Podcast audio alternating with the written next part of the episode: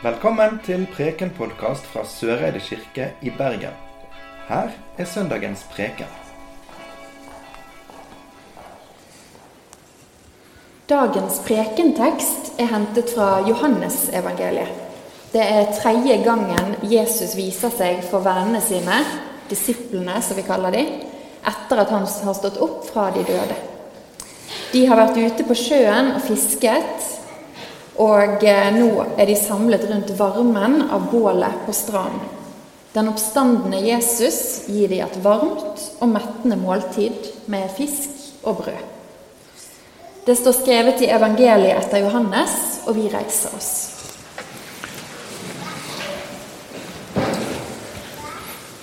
Da de var kommet i land, så de et bål der, og det lå fisk og brød på glørne. Kom hit med noen av de fiskene dere nettopp fikk, sa Jesus til dem. Simon Peter gikk da om bord i båten og trakk garnet i land. Det var fullt av stor fisk, 153 i alt. Men enda det var så mange, revnet ikke garnet. Jesus sa til dem, Kom og få mat. Ingen av disiplene våget å spørre ham, Hvem er du? De visste at det var Herren. Så gikk Jesus fram, tok brødet og ga dem.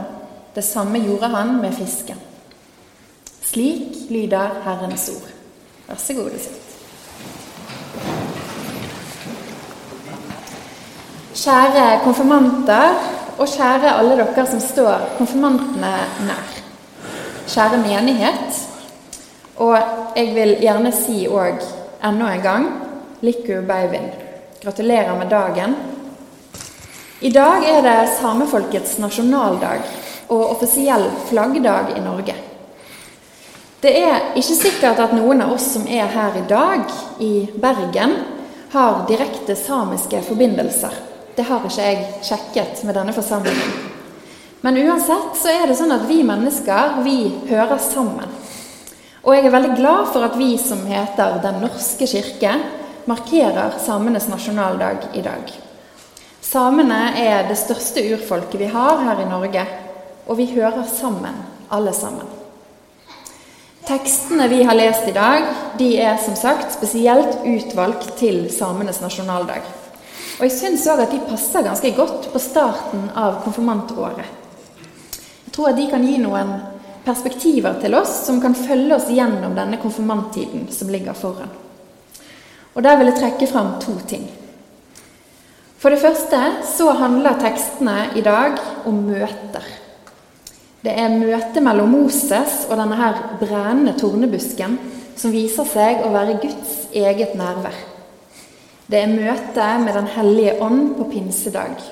Ånden som kommer ned fra himmelen og over disiplene som en kraftig vind. Ånden som gjør at de begynner å snakke Guds ord på sitt eget morsmål, sitt eget språk. Og til slutt møtet mellom disiplene vennegjengen til Jesus og Jesus sjøl. Etter at han har stått opp fra de døde, så møter han disiplene og gir dem mat. Dette er tre veldig forskjellige møter, men felles for alle de tre møtene er at det er mennesker som møter Gud. Både som en stemme i denne brennende busken, som ånd, og som menneske Jesus. Jeg tenker at det viser oss at Gud kan og vil møte oss akkurat der vi er. At uansett hvor vi er, eller hvem vi er, og hvilken kultur vi hører til, så kan Gud møte oss. Når vi er samlet til gudstjeneste sånn som vi er nå, så er det akkurat det vi gjør. Vi samles for å møte Gud. Og der vi samles, der har Gud lovet å være til stede, sånn som vi sang i salmen. Den andre tingen jeg vil trekke fram i dag, som også går igjen i alle disse tre tekstene, det er ild. Gud viser seg gjennom ild, gjennom møtene med menneskene i disse tre tekstene. Gjennom flammene i den brennende busken, som ildtunger på pinsedag, og i bålet ved sjøen, rundt bålet ved sjøen. Jeg tror ikke det er tilfeldig at Gud viser seg gjennom ild. Ild har jo forskjellige egenskaper. Og jeg tror at noen av de samme egenskapene, de har også Gud.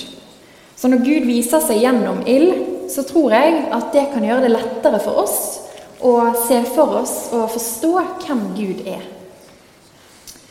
Ild, det gir lys. Vi vet det at hvis vi står i et helt mørkt rom, og vi tenner en fyrstikk, så vil lyset fra denne ilden ta bort mørket. Sånn er også Gud. Ild gir også varme, og ild hjelper å tilberede mat. Varmen fra ilden har gjort at mennesker siden tidenes morgen har kunnet koke, steike og grille mat. Urbefolkningene i verden, de som lever tettest på naturen, de vet veldig godt dette her. Og de vet akkurat hva som skal til for å lage et bål, og at det skal bli best mulig ut ifra de ressursene som vi har.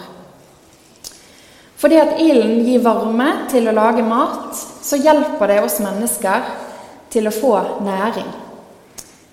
Næring til å leve og næring til å vokse. Jesus inviterer disiplene til et måltid i teksten. Og nesten hver søndag så inviteres vi òg til et måltid i kirken. Ilden den har enda flere egenskaper. Ilden den brenner opp det gamle. Av og til så er det sånn i livet at vi må kvitte oss med det gamle og det vonde for at noe nytt skal få ta plass og vokse fram. Derfor er det godt å la ilden brenne opp det gamle, sånn at det nye får komme til. Jeg vet ikke om det er noen fremmedspråklærere her i dag. Da må jeg bare beklage på forhånd. Men når jeg var ferdig med fransk på videregående, så brant jeg faktisk franskkloken min.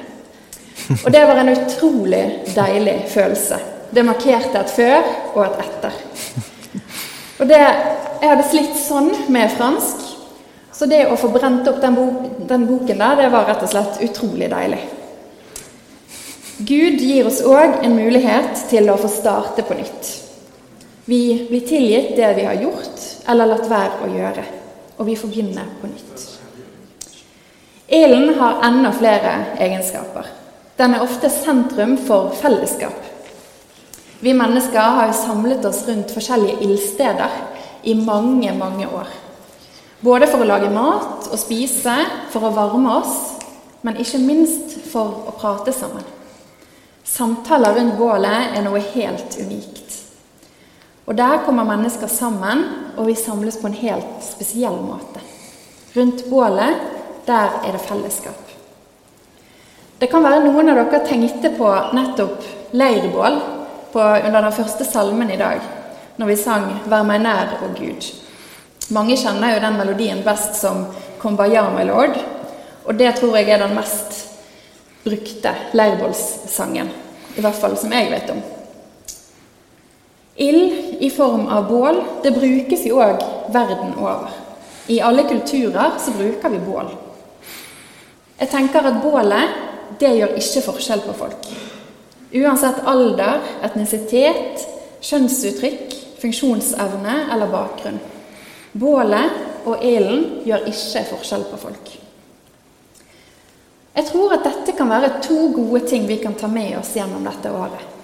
For det første Gud møter oss der vi er.